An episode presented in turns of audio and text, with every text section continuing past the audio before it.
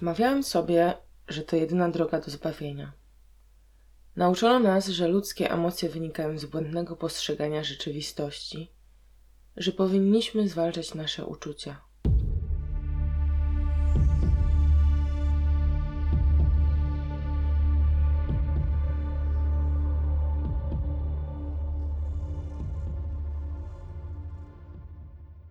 Cześć Wam! Miło mi, że słyszymy się ponownie na moim kanale. Jest to już piąty odcinek i póki co opinie o podcastach wyrażają osoby mi znane, czyli moi bliscy. I z tych doniesień wiem, że ostatni odcinek o zaginięciu Emanueli Orlandi jest do tej pory tym ulubionym. Tak myślałam, że ta historia skradnie wasze serca. Wiem też dzięki nim, co muszę poprawić, nad czym się skupić. I będę starać się, aby moje historie były przyjemne do słuchania dla Was. Mam też miłą niespodziankę dla niektórych e, z moich słuchaczy. Siedząc w domu miałam więcej czasu, żeby ogarnąć co i jak, więc e, mój podcast pojawił się też na Spotify oraz Apple Podcast. Wiem, że to ułatwia słuchanie wielu osobom, gdyż ja sama preferuję słuchać podcastów w pracy przez te aplikacje. Inna sprawa, wydaje mi się, że nowy mikrofon zdał w jakiś sposób egzamin i te podcasty, te odcinki są lepiej słyszalne, trochę lepszej jakości, ale w razie co, ja czekam też na Wasze opinie. Mam nadzieję, że wkrótce właśnie nie tylko bliskich, ale Wasze. I jeszcze jedna sprawa. Kanał ma też swój profil na Instagramie, gdzie w pierwszych dniach zaskoczyliście mnie i zebrało się Was tam sporo, jak na tak niepopularny kanał. Bardzo Wam dziękuję i mam nadzieję, że Was nie zawiodę. A teraz już nie przedłużając, zapraszam do odcinka.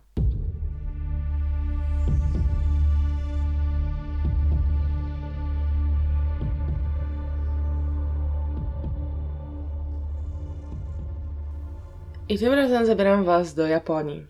Podobno dużo osób lubi historie związane z krajami azjatyckimi, gdyż rzadko się mówi o nich w polskich podcastach. Jednak ja z językiem japońskim nie miałam do czynienia nigdy. Nie będę też na siłę starała się wymawiać poszczególnych nazw. Oczywiście będę się starać, ale jak już mówiłam, nie na siłę. Więc momentami może to zabrzmieć trochę dziwnie, śmiesznie. Ogólnie język japoński jest bardzo ładny, trudny, ale też trochę śmieszny. Nie będę też ukrywać przed Wami, o czym będziemy mówić, bo aby przejść do wydarzeń właściwych, przebrniemy przez tematy biograficzne, które przybliżą nam motywy głównych bohaterów tej historii. Zresztą nawet tytuł tego odcinka nie jest w żaden sposób tajemniczy, gdyż już on zdradza nam tematykę. Dziś opowiem Wam o sekcie i to nie o byle jakiej sekcie. Przyznam, że akurat jej historia względem innych wydaje mi się różna, odmienna. Ja ogólnie lubię słuchać o sektach z tego względu, że nie potrafię wyjść z podziwu i wciąż zastanawiam się, jak to jest możliwe, że jedna osoba potrafi w pewien sposób zmanipulować kolejne, aby zrealizować wyznaczone sobie cele. Sekta Om Sinikya oznacza kilka poszczególnych wartości, jeśli chodzi o sylabizację całej nazwy. Jeśli trafi tu osoba znająca japoński, to niech mnie poprawi lub potwierdzi. W tej chwili zaufam Wikipedii i pozwolicie, że zacytuję teraz fragment tekstu. Według niego nazwa sekty składa się z czterech elementów. Om to święta sylaba hinduizmu, która jest postrzegana jako dźwięk powstania wszechświata. Kolejno Sin ma oznaczać prawdę, realność, rzeczywistość oraz sektę buddyjską. Literki Ri oznaczają rozum, zasadę, logikę i sprawiedliwość. W znaczeniu buddyjskim zasadę generalną jako przeciwieństwo pojedynczego, konkretnego zjawiska, a w neokonfucjanizmie podstawowe zasady kosmosu. Znak Kyo oznacza naukę, nauczanie, wiarę i doktrynę. W Polsce z wolnego tłumaczenia sekta ta nosi nazwę Najwyższa Prawda. Zanim jednak przejdziemy do ogólnych założeń, chciałabym Wam najpierw opowiedzieć nieco o jej założycielu. Shyoko Asahara, urodzony jako Chizuo Matsumoto 2 marca 1955 roku w Yatushiro pochodzi z dość ubogiej i wielodzietnej rodziny.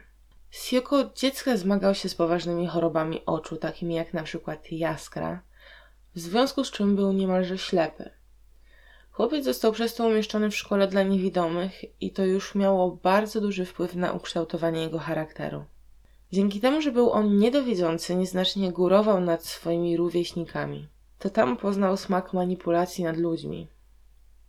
Właściwie nie wiem, czy jest to dobre określenie, ale jakoś tak zabrzmiało mi to bardzo poetycko. Bądź co bądź wiecie o co chodzi. Mały Sioko w szkole dla niewidomych sterował grupką niepełnosprawnych dzieci i bardzo spodobało mu się to, że posiada swoje marionetki. Kiedy ukończył szkołę, rozpoczął studia medycyny chińskiej oraz uczył się akupunktury. Podobno też w Tokio posiadał szkołę, w której wykładał tajniki jogi i z owej szkoły wywodzili się pierwsi członkowie sekty. Jednak zanim ta ruszyła na dobre, życie Asahara na moment obrało inny tor. Bowiem mężczyzna miał też w swoim życiu epizod więzienny, niespodzianka, wylądował w nim za nadużycia oraz drobne przestępstwa, oszustwa. Kiedy wyszedł, łapał się organizacji grup religijnych, starał się otaczać swoimi zwolennikami, jednak nie odnosił on w tamtym momencie większych sukcesów. W 1987 roku zdecydował się na podróż do Indii. W Himalajach miał się oczyścić i wrócić ze świeżymi pomysłami do swojego ojczystego kraju. Ashara twierdził, że podczas medytacji w Indiach osiągnął stan bytu absolutnego, czyli nirvana. Nirvana to dosłownie zgaśnięcie. W religii termin ten oznacza wygaśnięcie cierpienia, bardzo zaawansowany poziom urzeczywistnienia. Mężczyzna mówił, że jest w posiadaniu prawdy absolutnej. Wtedy to zaczął on zakładać kolejne świątynie i oficjalnie zarejestrował Najwyższą Prawdę jako organizację religijną. Szybko zgarnął sobie zwolenników, ale i wyznawców. Program religijny opracował sam Asahara. Bazował on m.in. na mądrościach buddyjskich i tybetańskich, czyli na pojęciu taoizmu. Taoizm to m.in. zasada yin i yang, które z definicji dopełniając się w Dao stanowią podstawę harmonii świata. Sam Sioko w momencie swojej świetności opublikował nawet kilka książek o wierze, którą praktykował. Pojawiły się też w owym czasie doniesienia, jakby Sioko był reinkarnacją Imhotepa, czyli egipskiego boga. W sumie sekta najwyższej prawdy miała dużo połączeń z innymi religiami. Bazowała na buddyzmie, ale miała też powiązania z wiarą chrześcijańską i Biblią. Nie wiadomo jednak dokładnie dlaczego Asahara łączył te religie. Wiadomo jest jedno: członkowie jego sekty wierzyli, że na świat zostanie zesłana apokalipsa, a w dniu ostatecznym z piramid wyjdzie szatan i to on będzie rządzić światem. Członkowie sekty mieli zostać jednymi z niewielu, którzy ocaleją. Jednak, aby sekta rosła w siłę, mężczyzna postawił na wizerunek medialny. Najwyższa prawda posiadała swoją stronę internetową, a w Japonii wykorzystywała na przykład popularność anime oraz mangi. Wyznawcy Sioko brali również udział w wyborach parlamentarnych w 1990 roku. Ich programem była walka z materializmem i korupcją. Na przywódcę sekty zagłosowało wtedy 1700 osób, a jego 25 współkandydatów osiągnęło gorszy wynik.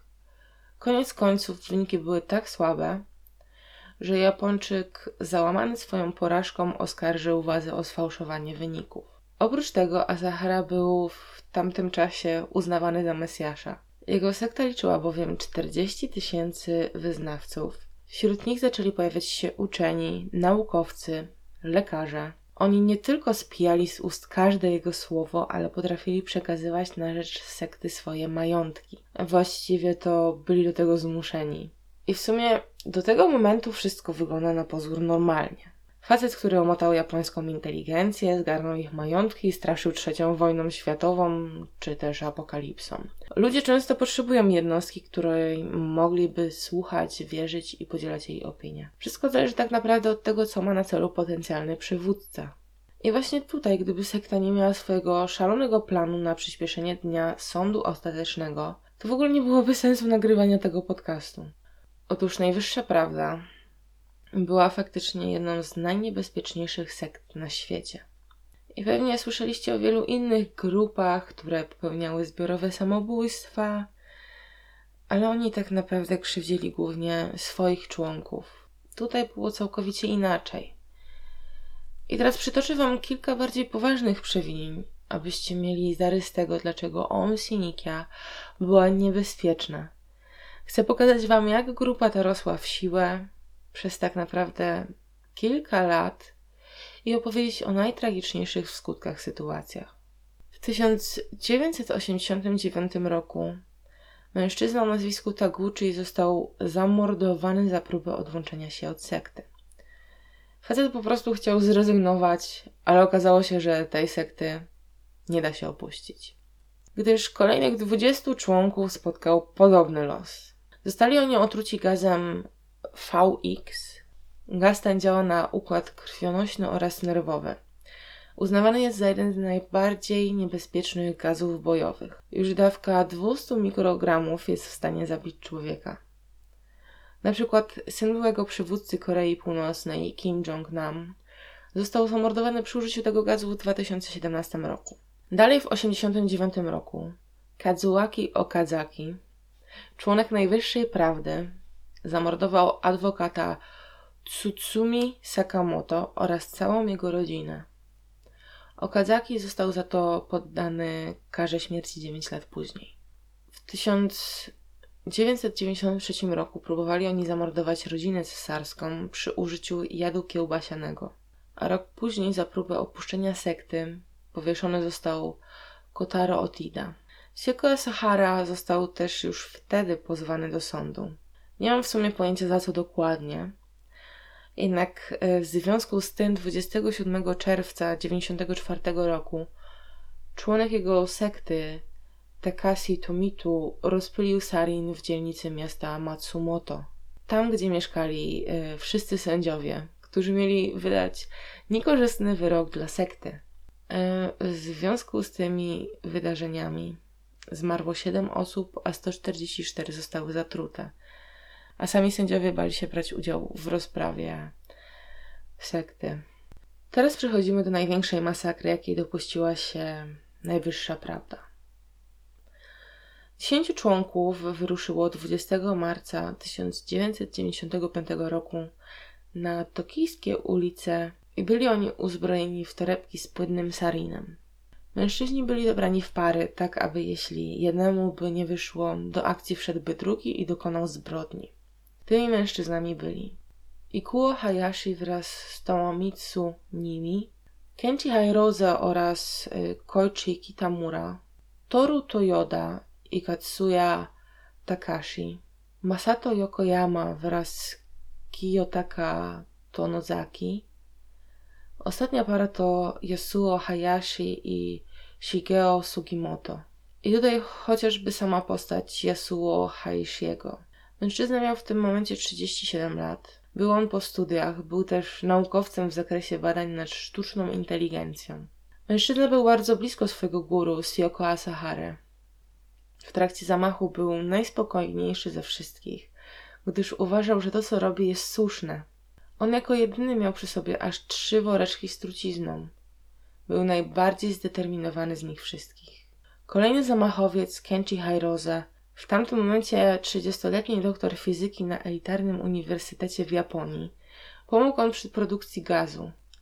Jednak w momencie zamachu nie był pewny, czy to, co robi, jest słuszne. Często w mediach mówił, że zazdrościł ludziom, którzy wychodzili z metra. Wmawiałem sobie, że to jedyna droga do zbawienia. Nauczono nas, że ludzkie emocje wynikają z błędnego postrzegania rzeczywistości, że powinniśmy zwalczać nasze uczucia. Ikuo Hayashi był wcześniej kardiologiem. Porzucił on zawód i rodzinę, oddając cały majątek sekcie. W dniu zamachu miał 48 lat. Jednak również nie okazał się aż tak oddanym sługą. Ikuo przebił bowiem tylko jedną z dwóch torebek sarinu, jakie miał przy sobie, zachowując resztki rozumu naprawdę resztki rozumu, przypomniał sobie, że jako kardiolog miał leczyć, a nie zabijać. Jednak wciąż wierzył słowom swojego mistrza i nie chciał go całkowicie zawieść. Mężczyzna w sekcie pełnił rolę ministra uzdrawiania i podczas werbowania nowych członków podawał im napoje z LSD, aby oczyścić ich ze złych mocy. I tu mamy przykład tego, że Asahara, tak jak guru innych sekt, wykorzystywał narkotyki do upojenia swoich wiernych, prania im mózgów. Podobno popyt był tak wielki, że sekta miała własną wytwórnię LSD, a sam Siyoko oczywiście również korzystał z tego przywileju. Kolejny. Toru Toyoda był 27-letnim fizykiem bezgranicznie oddanym swojemu, w cudzysłowie, Mesjaszowi. Był on producentem trucizny i absolutnie nie widział w tym nic złego. Ostatni główny zamachowiec, Masato Yokoyama, miał 31 lat i był absolwentem fizyki stosowanej. On, tak jak jego kolega Ikuo, przebił jedynie jedną torebkę sarinu, powodując tym mniejsze zniszczenia. Pociąg, którym jechał Masato, kierował się do centrum Tokio, gdzie było o tej porze pełno ludzi i naprawdę obrażenia mogły być dużo większe, gdyby przebił drugą torebeczkę sarinu. No ale tak, dlaczego właściwie przedstawiam Wam tu część zamachowców? Chciałam pokazać Wam, jak człowiek, który posiada ogromną wiedzę na tematy, nie wiem, na tematy przyszłościowe, tematy skomplikowane, człowiek inteligentny jak ci chwilę temu wymienieni, oni dali się omłotać Asaharze, wierząc, że to, co robi, jest słuszne i wierząc, że faktycznie szatan zejdzie na ziemię i przetrwają jedynie członkowie sekty najwyższej prawdy. Nie wiem, czy wy też widzicie ten paradoks. Z jednej strony nauka, która jest w stanie udowodnić wiele rzeczy, a z drugiej takie trochę dziwne wierzenia o końcu świata, który trzeba samemu wywołać. Swoją drogą to głupie, skoro w przepowiedniach Sioko mówił, że tak czy siak przetrwają tylko członkowie sekty, to nie wiem, co na celu miało przyspieszenie tego. Czy to zbyt duża dawka LSD tak działa na jego wyznawców? No bo jak wyjaśnić to w racjonalny sposób? No właśnie, może nie chodziło mu tak konkretnie o wywołanie tego dnia sądu ostatecznego, ale po prostu miał swoje cele, a wierzących mu ludzi wykorzystał do tego, czego potrzebował. No ale porozmawiam o tym później. No i jeszcze tak wtrącę między wierszami, zanim zaczniecie się martwić o wszystkich zamachowców najwyższej prawdy, to mieli oni przy sobie również antidotum, które pozwoliło im na przeżycie mimo zatrucia. Taki mały spoiler. Teraz przejdziemy już do wydarzeń z 20 marca, tak konkretnie, krok po kroku, co się tam działo. Tuż przed godziną 8 rano napastnicy pojawili się na stacji, ojeju, na stacji Kasumi Gaseki. Była to dzielnica japońskich ministerstw. W trzech liniach metra rozpylili oni zabójczy sarin. Łącznie przebito dziewięć torebek z zabójczą trucizną w pięciu różnych pociągach linii metra. I sarin, z tego co wyczytałam, jest około 500 razy silniejszy i paryżuje układ nerwowy człowieka. E, chodzi o to, że jest silniejszy niż cyjanek. A sami wiecie z historii pewnie kryminalnych, jak trujący jest cyjanek dla jednej osoby, a tutaj 500 razy silniejszy gaz, który zaatakował tak naprawdę kilka tysięcy ludzi. A swoją drogą wszystko było tak zaplanowane, aby nie tylko zatruć linię metra, ale też aby ten gaz dotarł i zatruł ludzi w budynkach rządowych oraz w budynku tokijskiej policji i to podobno właśnie na niej głównie skupiał się Asahara. Zamachowcy zaatakowali w momencie szczytu, a sam sarin jako gaz nie ma ani barwy, ani zapachu. I wszyscy przemieszczający się tego dnia metrem nie wiedzieli, co się dzieje. Pierwsze oznaki zatrucia to kaszel, ból gałek, duszności. Później dochodzą wymioty oraz bóle brzucha. Człowiek traci świadomość i dochodzi do porażenia mięśni. Na koniec zazwyczaj zatruty zapada w śpiączkę i podczas niej umiera na skutek paraliżu mięśni, a przez to uduszenia. I w zamachu śmierć poniosło 12 lub 13 osób, ale w większości informacji jest to liczba 12. A ponad 5 tysięcy ludzi zostało rannych czy też zatrutych. Sam personel medyczny odniósł straty w 135 poszkodowanych, gdyż nie wiedzieli jak walczyć z sarinem. I wiele osób po dziś dzień ma powikłania po tym ataku. Jest to m.in. depresja, trudności z oddychaniem, problemy ze wzrokiem oraz uszkodzenia mózgu. Dwa dni po zamachu ponad 2000 policjantów zaczęło zajmować siedziby sekty w całej Japonii. Zabezpieczono wszelkie chemikalia i podobno sekta była w posiadaniu aż 7 ton sarinu. W laboratoriach najwyższej prawdy trwały też prace nad innymi substancjami bojowymi i bronią biologiczną. Asahara chciał nawet posiąść broń jądrową, a atak na metro miał w planach zrzucić całą winę na Stany Zjednoczone, wywołując tym trzecią wojnę światową. Podczas przeszukań policja zabezpieczyła również rosyjski śmigłowiec, który był przeznaczony do rozpylenia sarinu nad Tokio. Przez kilka miesięcy członkowie sekty walczyli z policją.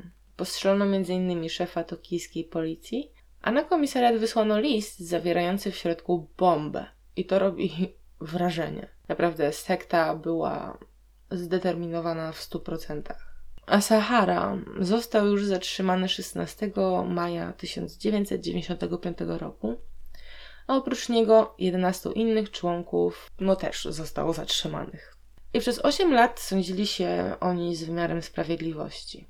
Koniec końców zostali oni skazani na karę śmierci. W 2006 roku Asahara próbował odwołać się od wyroku, jednak no niestety lub stety nie udało się mu wywalczyć yy, wolności, ani zamienić tego na jakiś dłuższy wyrok, gdyż już 6 lipca 2018 roku w Tokio został ostatecznie stracony Sioko Asahara, czyli przywódca sekty, wraz z sześcioma swoimi wyznawcami. Kolejne stracenia nastąpiły 31 lipca tego samego roku.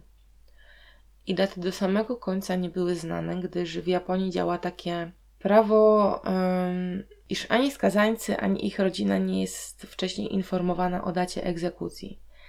Sam Sioko czekał na dopełnienie wyroku około 20 lat, a o swojej egzekucji dowiedział się w godzinach porannych właśnie 6 lipca, czyli tego samego dnia, kiedy została wykonana nim, na nim egzekucja.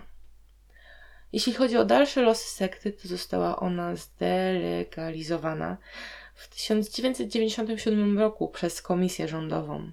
W roku 2000 sekta powróciła i zmieniła nazwę na Alep.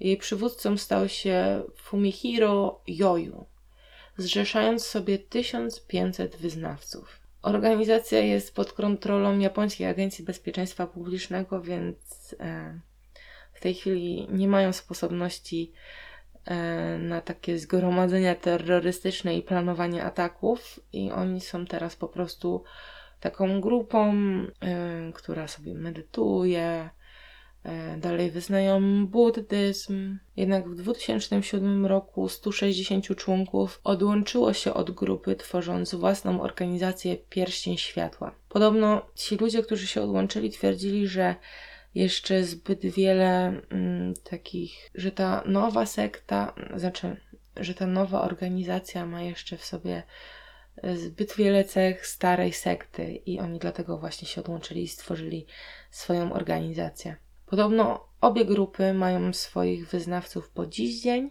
a buddyjską grupę Alep znaleźć można na przykład w Warszawie. I tym smeczkiem chciałam zakończyć historię sekty Om Sinikia.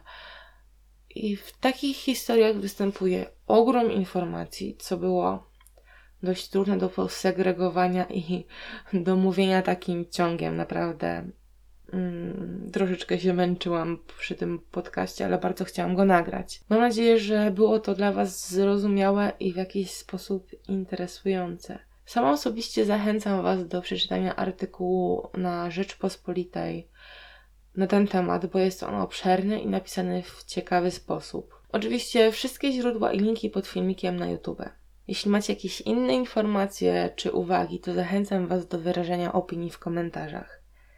Ja oczywiście nie jestem nieomylna i czasem zdarzy mi się coś przekręcić lub przejęzyczyć.